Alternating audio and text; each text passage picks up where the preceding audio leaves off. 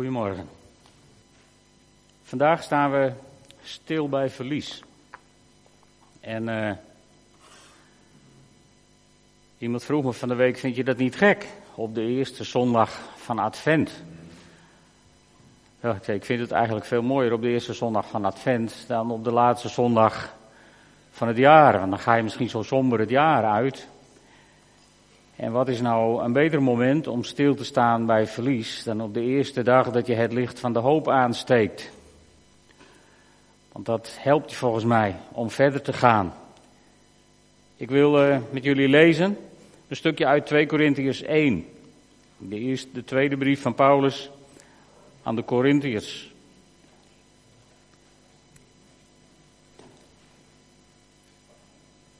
En als we stilstaan bij verlies, dan uh, betekent dat niet alleen dat we stilstaan bij mensen die zijn overleden. Dat betekent ook dat we ruimte willen geven voor het verwerken van misschien wel het verlies van je baan, het uitgaan van je relatie, het uh, mislukken van je opleiding, uh, zakken voor je examen. Er zijn heel veel dingen die, die bij je blijven hangen als, als momenten van verlies, waarvoor je denkt, goh, dat wil ik bij de Heer brengen. Nou, dat willen we vandaag doen. Maar we lezen eerst een stukje. 2 Corinthians 1, vers 1 tot 11. Van Paulus, apostel van Christus Jezus, door de wil van God en van onze broeder Timotheus. Aan de gemeente van God in Korinthe en aan alle heiligen in heel Achaia. Genade zij u en vrede van God onze Vader en van de Heer Jezus Christus. Geprezen zij de God en Vader van onze Heer Jezus Christus, de Vader die zich over ons ontfermt, de God die ons altijd troost en ons in al onze ellende moed geeft, zodat wij de troost die wij zelf van God ontvangen, anderen in al hun ellende moed kunnen geven. Zoals wij volop delen in het lijden van Christus, zo delen wij volop in de troost die God ons door Christus geeft. Ondervinden we tegenspoed, dan is het opdat u bemoedigd en gered wordt. Worden we bemoedigd, dan is het opdat u de moed krijgt te volharden in hetzelfde lijden als wij ondergaan. De hoop die wij voor u hebben is gegrond. We weten dat zoals u deelt in ons lijden, u ook deelt in de troost die ons gegeven wordt. U moet weten, broeders en zusters, dat de tegenspoed die we in Azië hebben moeten doorstaan uitzonderlijk groot was. We hadden het zwaar te verduren. Zo zwaar dat het onze krachten te boven ging. We vreesden ernstig voor ons leven. We waren er zelfs zeker van dat het doodvonnis al over ons was uitgesproken. Maar juist dat liet ons beseffen dat we niet op onszelf moeten vertrouwen, maar alleen op de God die de doden opwekt. Die ons heeft gered en ons opnieuw zal redden uit eenzelfde doodsgevaar. Op Hem hebben we onze hoop gevestigd. Hij zal ons altijd redden en ook u bent ons tot steun door voor ons te bidden. een hele bijzonder stukje waar het woord troost vaak in voorkomt. En uh, als je er een korte samenvatting van maakt, dan ziet dat er ongeveer zo uit. God troost altijd. En het tweede punt is, door de troost die we krijgen, kunnen we andere mensen troosten. We worden bemoedigd om anderen te bemoedigen. En als je deelt in lijden, deel je in troost. En dan, God heeft ons altijd gered en hij zal ons altijd weer redden.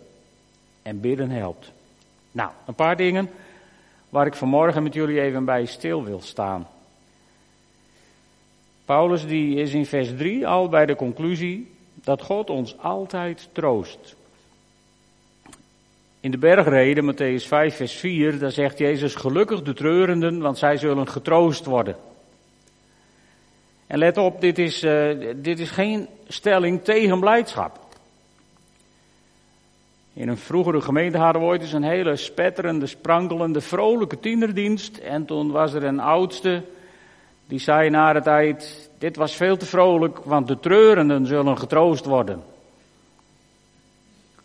Het was ook zo iemand met standaard hangende mondhoeken die, zeg maar, nooit blij kon zijn. Maar als Jezus dit zegt, dan is dat geen geef verwijt aan blije mensen. Dit is een bemoediging voor verdrietige mensen. Van als je treurt, dan is er één punt van geluk voor je, want je zult getroost worden. Ik ga je troosten, zegt de Heer. Hij, hij is duidelijk daarin. Dus God belooft ons dat we altijd getroost zullen worden. En uh, dat kan op een hele hoop manieren. Daarin kunnen we ook als gemeenteleden heel veel voor elkaar betekenen.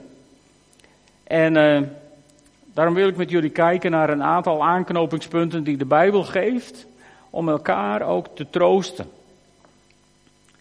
En uh, wat mij betreft staat met stip bovenaan, in mijn optiek tenminste, gebed. Dat kan in de kerk.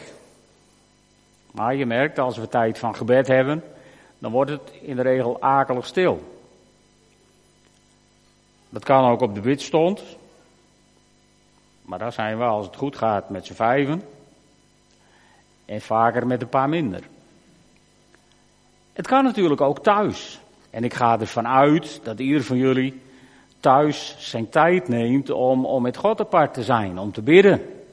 Ook om te bidden voor mensen die op de ziekenlijst hebben gestaan, mensen waarvan je weet dat ze nood hebben, waarvan je weet dat ze het moeilijk hebben.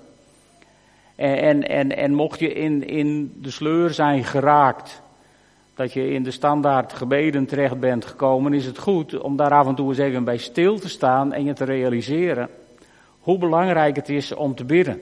Want bidden helpt. Paulus die schrijft in vers 11, en daar ben ik mee geëindigd in de schriftlezing. U bent ons tot steun door voor ons te bidden. En dat schreef Paulus na een hele heftige situatie. Paulus was twee jaar in Efeze geweest om het evangelie te verkondigen. En voor degenen die het verhaal kennen, zal ik het toch even opfrissen. Twee jaar had hij daar gewerkt en uh, het evangelie bleek zijn vruchten te dragen. De toeristen die in Efeze kwamen, die kochten niet meer de afgodsbeeldjes en dingetjes die Demetrius de zilversmid en zijn collega's maakten. Dus die zagen hun omzet kelderen. En de mannen organiseerden een, uh, ja, een protestdemonstratie. Er is niet zoveel nieuws op de wereld, zie je wel. En, en in die protestdemonstratie konden ze Paulus en zijn medewerkers zo gauw niet vinden. Dus ze arresteerden een paar andere willekeurige mensen. Er is echt niks nieuws onder de zon.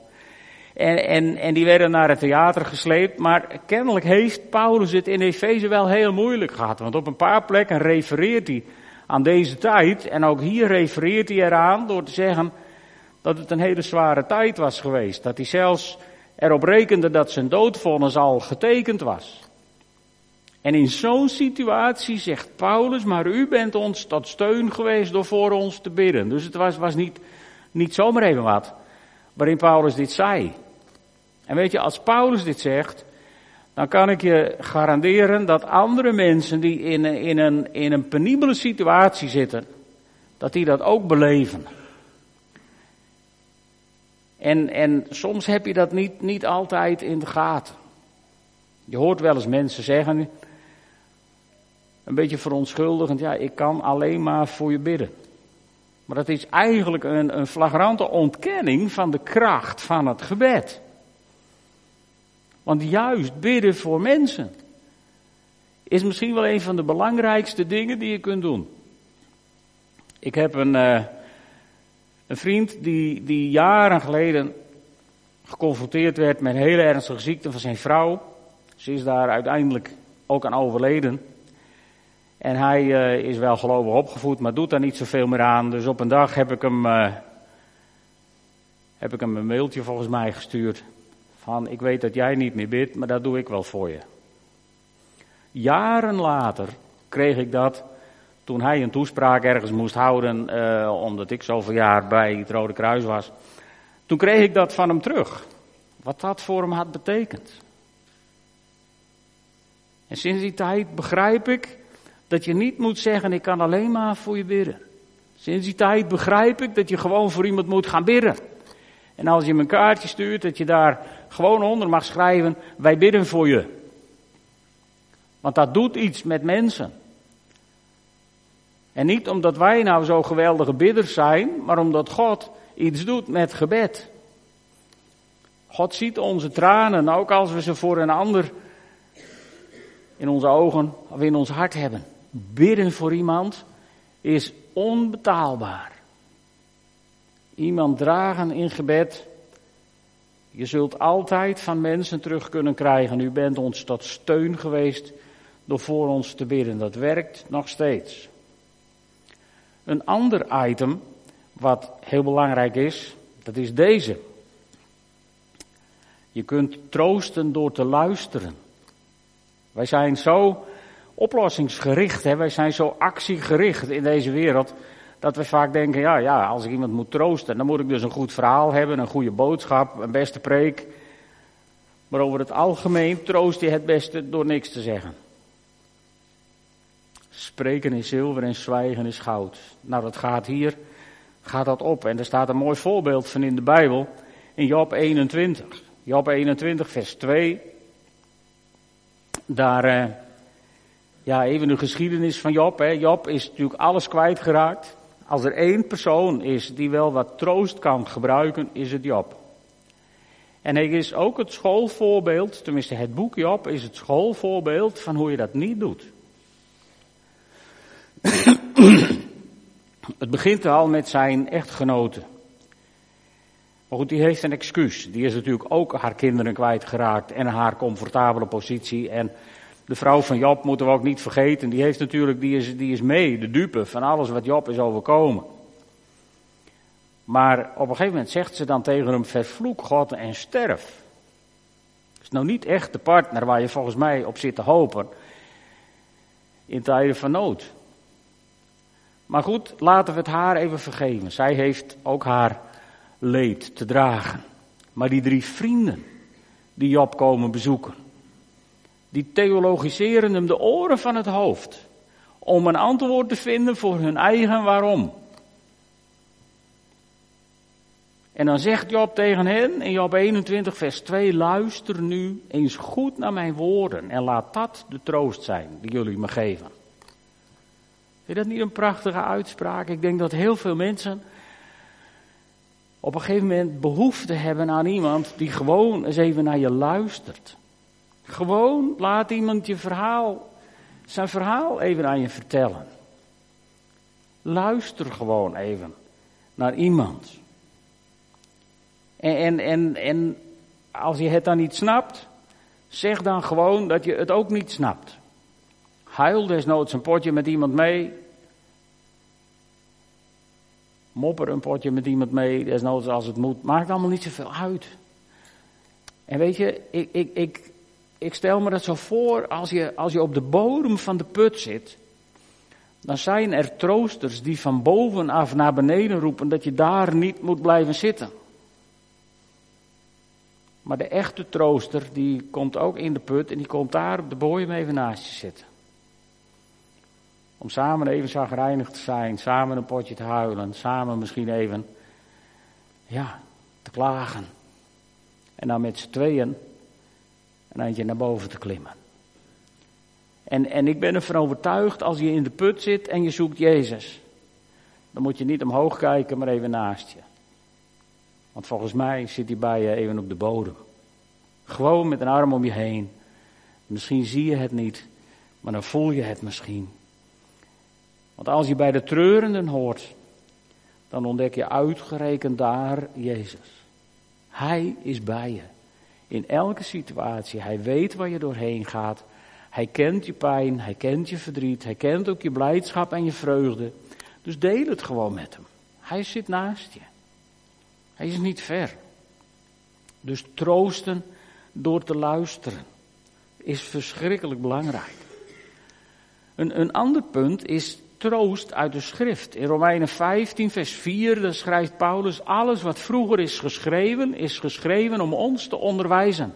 Opdat wij door te volharden en door troost te putten uit de schriften zullen blijven hopen. Wat daarvoor erg belangrijk is, is dat je je de schriften toe-eigent. Ik bedoel dat je er in vredestijd studie van maakt. Dat je erin leest op momenten dat het je goed gaat. Dat je, dat je de, de, de verhalen uit de Bijbel indringt en dat je ze opslaat in je hoofd. Er zijn heel veel verhalen bekend van, van vervolgde christenen die, die in de gevangenis werden opgesloten en daar hele hoofdstukken uit de Bijbel overschreven op stukjes toiletpapier. Gewoon uit hun hoofd. Maar het zat wel in hun hoofd. Er was wel in geïnvesteerd om het daar te krijgen. En, en, en ja, misschien zijn wij dat ons niet zo bewust, niet zo van doordrongen in, in, deze, in dit deel van de wereld waar het ons allemaal goed gaat, waar we alle vrijheid van de wereld hebben en, en verdrukking misschien heel ver van je bed lijkt. Maar je merkt bij mensen die verdriet hebben, mensen die ziek zijn, mensen die in, in, in, in rouw zijn, daar merk je dat er Bijbelteksten boven komen borrelen, die er kennelijk zitten. En daar heb je dan wat aan op zulke momenten. Dus ik wil jullie aanmoedigen om, om naast te bidden, je ook de Bijbel eigen te maken. Lees erin. Leer desnoods stukjes uit je hoofd. Wees ermee bezig. Eigen het je toe. Want dan zit er iets wat zomaar gebruikt kan worden op momenten dat je het nodig hebt. De Bijbel. Niet vergeten. Een ander punt is natuurlijk de trooster. Aan het eind van het evangelie van Johannes, daar zegt Jezus, ik zal de Vader bidden en hij zal u een andere trooster geven om tot in eeuwigheid bij u te zijn. En dan zegt hij, maar de trooster, de Heilige Geest, die de Vader zenden zal in mijn naam, die zal u alles leren en u te binnenbrengen wat ik u gezegd heb. Die is wel interessant. Jezus zegt dus tegen zijn discipelen, alles wat ik jullie verteld heb, en in die tijd hadden ze nog geen, uh, nog geen drukwerk op papier, ze hadden ook geen uh, smartphone waar het allemaal wel op stond. Maar Jezus had het hun gezegd. En mensen waren beter getraind om te onthouden waarschijnlijk dan wij. En dan zegt Jezus, en de Heilige Geest zal u alles leren en te binnenbrengen wat ik u gezegd heb. Zo werkt dat ook met de Bijbel. Dus wat je uit de Bijbel gelezen hebt, komt niet zomaar omhoog, maar de Heilige Geest zal daaruit putten. Die zal je te binnenbrengen wat je in de Bijbel gelezen hebt. Ik moest daar aan denken. Het is tegenwoordig natuurlijk heel simpel. Uh, heel veel mensen die hebben een, uh, een telefoon mee waar ook uh, enige Bijbelvertalingen op staan. En het is zo handig, hè? Zo handig. Want ach, je zoekt dat even op op het moment. Maar stel je nou voor, stel je nou voor dat je plotseling op de hartbewaking terechtkomt. En dan mag je mobiele telefoon niet liggen vanwege allerhande stralingsgevaar, whatever. Ja, wat moet je dan? Dan lig je daar te liggen. Zit er dan nog iets in ons hoofd? Ik ben daar een beetje van geschrokken toen die gedachte zomaar bij mij binnenviel. En ik dacht van nou, misschien, misschien moet ik daar eens mee aan de slag. Ik heb het maar even bij mezelf gehouden. En dan heb ik het nog niet eens over dat je gevangen genomen zou kunnen worden in sommige landen en in een cel kunt worden gegooid en je, je, je smartphone je gewoon wordt afgepakt. Wat heb je dan nog? Hè? Het is zo handig dat je het altijd bij je hebt. Maar goed, ook dan ben ik ervan overtuigd dat de trooster, de Heilige Geest die God gegeven heeft, dat die je zal troosten. En dat hij ook dan Bijbelwoorden die je misschien nog maar één keer in je leven gehoord hebt omhoog zal brengen. Om je te laten zien, zie je wel, God is erbij. God houdt van je. God geeft om je. En God wil je troosten. Dus de Heilige Geest, ja, die kan een enorme bron zijn. En bovendien kan God, kan God door zijn Heilige Geest je ook zomaar dat, dat gevoel geven, die ervaring, alsof God gewoon zijn armen om je heen slaat. Je koestert, je troost, je draagt. Ja, ik weet niet precies hoe ik dat moet omschrijven, maar de Heilige Geest kan je ook hele tastbare ervaringen geven. En ik kan ook zomaar namens God tot je spreken. Geweldig. Het is goed om ons daar ook voor te openen. En dan is het volgende punt, is dat je troost kunt doorgeven. Paulus die, die schrijft het hier heel mooi, zodat wij door de troost die wij zelf van God ontvangen, anderen in hun ellende moed kunnen geven.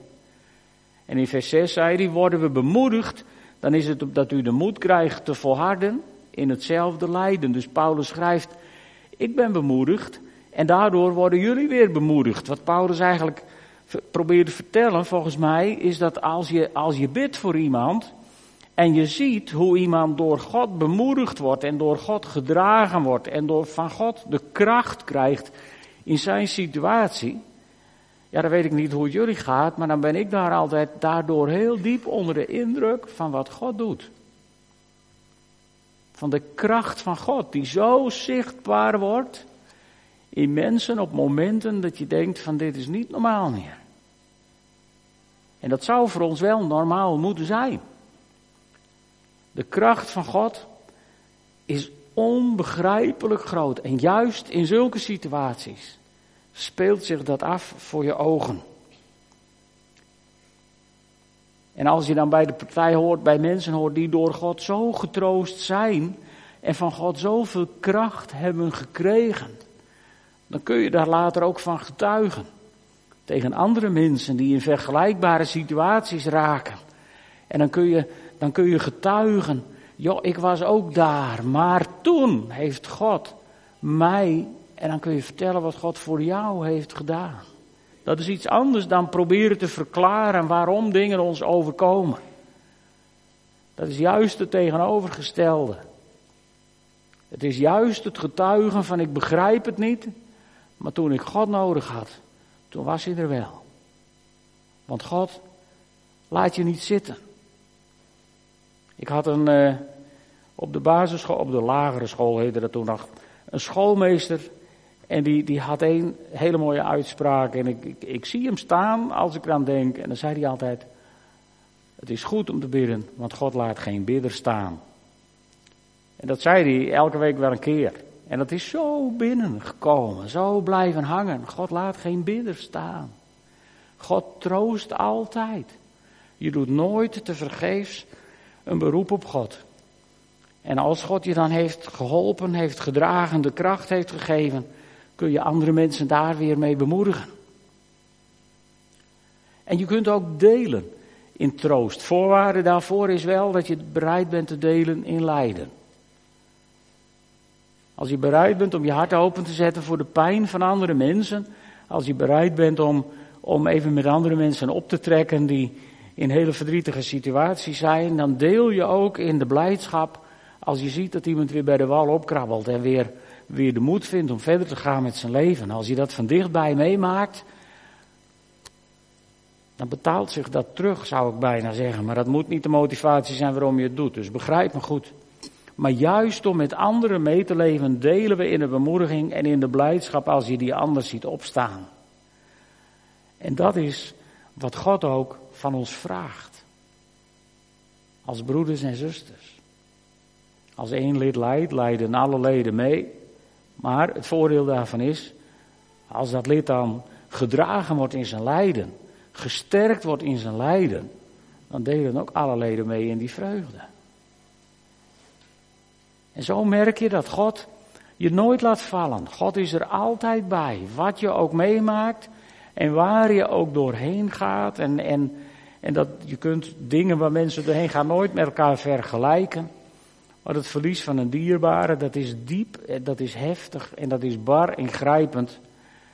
Maar als je vele malen jonger bent en tot over je oren verliefd en zij heeft nee tegen je gezegd. Ja, dat gaat ook onbegrijpelijk diep door zielen van jonge mensen. En zo zijn er nog wel meer dingen die. Je kunt die dieptes van lijden niet met elkaar, moet je ook niet met elkaar willen vergelijken. Bovendien moet je niet op zoek zijn naar die dieptes van dat lijden, maar je moet letten op de troost en op de kracht en op de moed die God geeft in al die situaties. En dan zie je dat God geen bidder laat staan. Dan zie je dat God zijn kinderen altijd weer de hand toereikt en ze overeind helpt. En zegt, kom maar, wij gaan weer verder. En dat brengt me bij de laatste dia. Deze is voor mij heel persoonlijk een van mijn uh, slogans. Ja, laat ik het zo maar noemen. Ik vind dit altijd een heel mooi verhaal. Op een gegeven moment in 1 Samuel 7, vers 12. Daar zegt Samuel, tot hiertoe heeft de Heer ons geholpen. Jullie kennen misschien dat verhaal wel. Dan richten ze een steen op. En dan zeggen ze, Eben Haezer, tot hiertoe heeft de Heer ons geholpen. En mijn lijfspreuk is geworden, ik zie geen enkele reden waarom je vanaf hier niet verder zou helpen. Tot hiertoe. Het is goed om af en toe in je leven een merkteken neer te zetten, een mijlpaal te slaan. En even achterom te kijken naar de dingen die je hebt meegemaakt. En tegen jezelf te zeggen, kijk aan, tot hiertoe heeft de Heer me geholpen. En dat geeft je moed om verder te gaan in de toekomst. Want weet je, Paulus die zegt het zo mooi, hij heeft ons gered en hij zal ons opnieuw redden. Hij heeft het zelfs over God die ons altijd zal troosten. Die ons nooit zal laten staan. En ik bid jullie toe, van harte, dat wat er ook in je leven is gebeurd, dat je de moed hebt om vandaag weer zo'n mijlpaal te slaan. En te zeggen, en tot hiertoe heeft de Heer mij geholpen. En ik zou niet weten waarom hij me vanaf hier niet verder helpt. En mocht je wel een reden te binnen schieten waarom God je vanaf hier niet verder zou kunnen helpen, omdat er iets in je leven misschien tussen jou en God is, dan wil ik je ook aanraden om daar vandaag zaken mee te doen en dat bij het kruis te brengen. En daarom willen we straks ook een tijd nemen van verwerking. Er zal een tijd zijn om, om een, een lichtje aan te steken. En bij deze tafel te brengen. En als je van boven op deze tafel ziet, en dat zie je als je straks naar voren komt, dan zie je dat daar een hart op ligt. Het hart van de Vader. Je mag zo je verdriet bij het hart van de Vader brengen. En als je een lichtje aansteekt, een lichtje van troost, van hoop, en dat zet je op die spiegel, dan zul je zien dat dat lichtje extra licht gaat geven, zodat ook andere mensen troost putten uit jouw troost. Hoop vinden in jouw hoop. Gedragen worden door dezelfde kracht waarmee jij gedragen wordt. En als er dingen als een steen op je hart liggen waarvan je denkt, Heere God, ik kom hier niet mee klaar. Neem dan zo'n steen die hier ligt en breng die aan de voet van het kruis. Leg hem neer bij het kruis. Wees even stil bij God. Neem even de tijd. We willen ook ruim de tijd nemen voor, voor een stuk verwerking. En ondertussen zal de band muziek maken en, en kunnen we zachtjes zingen. En we zullen ergens tijd vinden om ook samen te bidden. Want bidden helpt, weet je nog? Bidden is mensen tot steun. Zullen we eerst een moment van gebed samen hebben? Mag ik jullie vragen op te staan?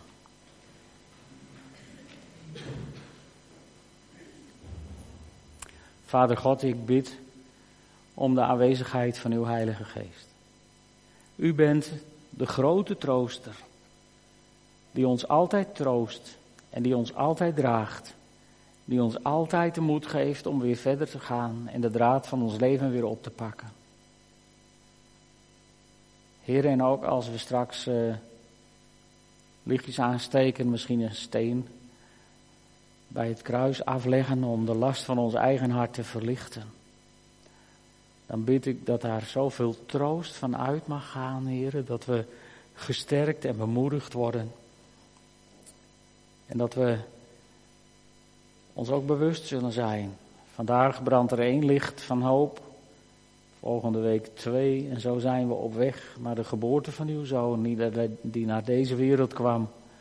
Om al onze nood, al onze smart, al onze pijn, alles te dragen. En ons te verlossen. Heren, in die hoop willen we ons, onze nood, willen we ons verdriet bij u brengen. In die verwachting. Want u laat geen bidder staan. Heer, ik dank u daarvoor. En ik bid om uw kracht, om uw troostvolle aanwezigheid. In de naam van Jezus. Amen.